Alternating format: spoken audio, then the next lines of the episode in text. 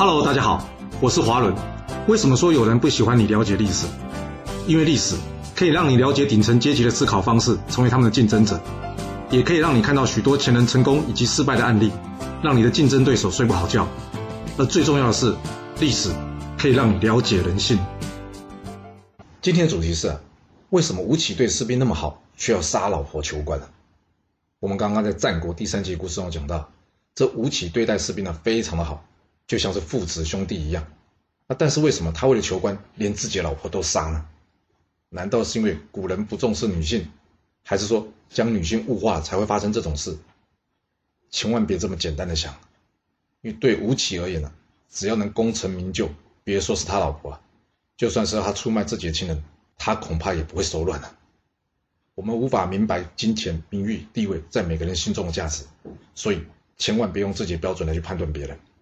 就像是有人视钱财如粪土，但是也有人视金钱如生命一样。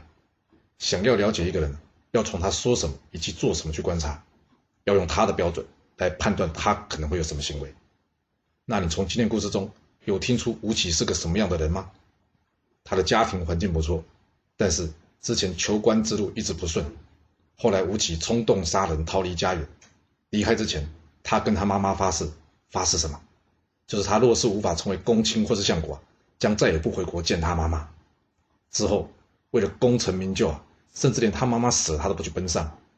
从这些简短的讯息啊，大约可以知道，吴起对自己啊一定要当上大官这件事啊，他是抱着非常高的期望，以及怎么样，这很有可能啊，就是他心中对自己评断的一个价值啊。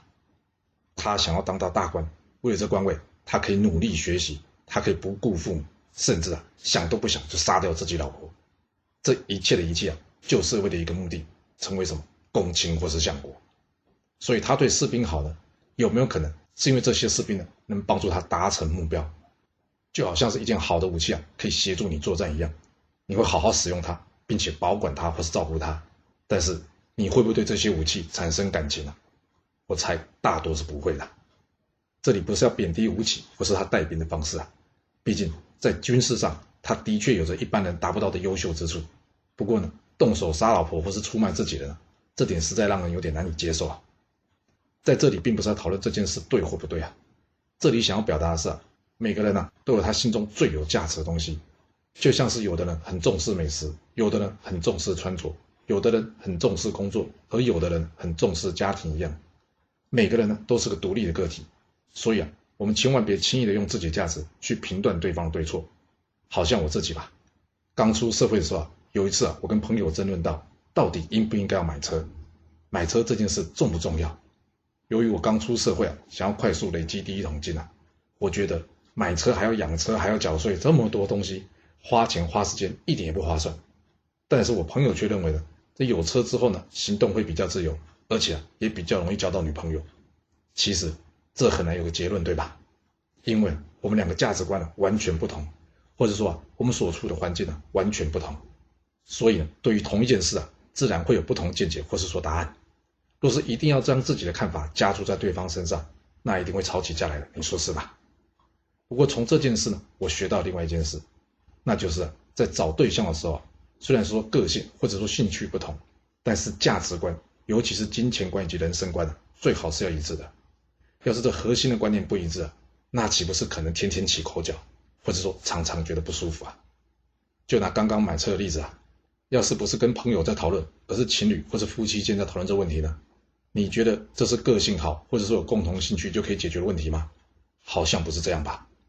当然，要是已经结了婚了，那就设法去理解对方的价值观，或是让对方理解你的价值观，并且尽可能找出共同之点，就这共同的价值观的部分出发。慢慢影响，或是说去理解对方。要是还没在一起，那我建议你在交往的时候，可以偶尔拿一些议题去试试看，看看双方彼此的价值观呢是否一致。我不是感情专家，说这些呢只是自己的经验分享。人的缘分很难说的，有的人可以恩恩爱爱一辈子啊，但也有人呢可以吵吵闹闹的共度一生。重点是，这都是人生的一部分，你说是吧？若是您有其他想法，也欢迎您留言分享你的看法给大家哦。好了，我们今天就先说到这。若是你想要知道完整版的故事内容，欢迎您可以到说明栏中找到我爱故事频道的连结。要是你喜欢这个频道，还要麻烦您动动你的手指，点赞、订阅、追踪，或是给我五星评价的支持，以及留言分享哦。谢谢您来收听，我们下次再见。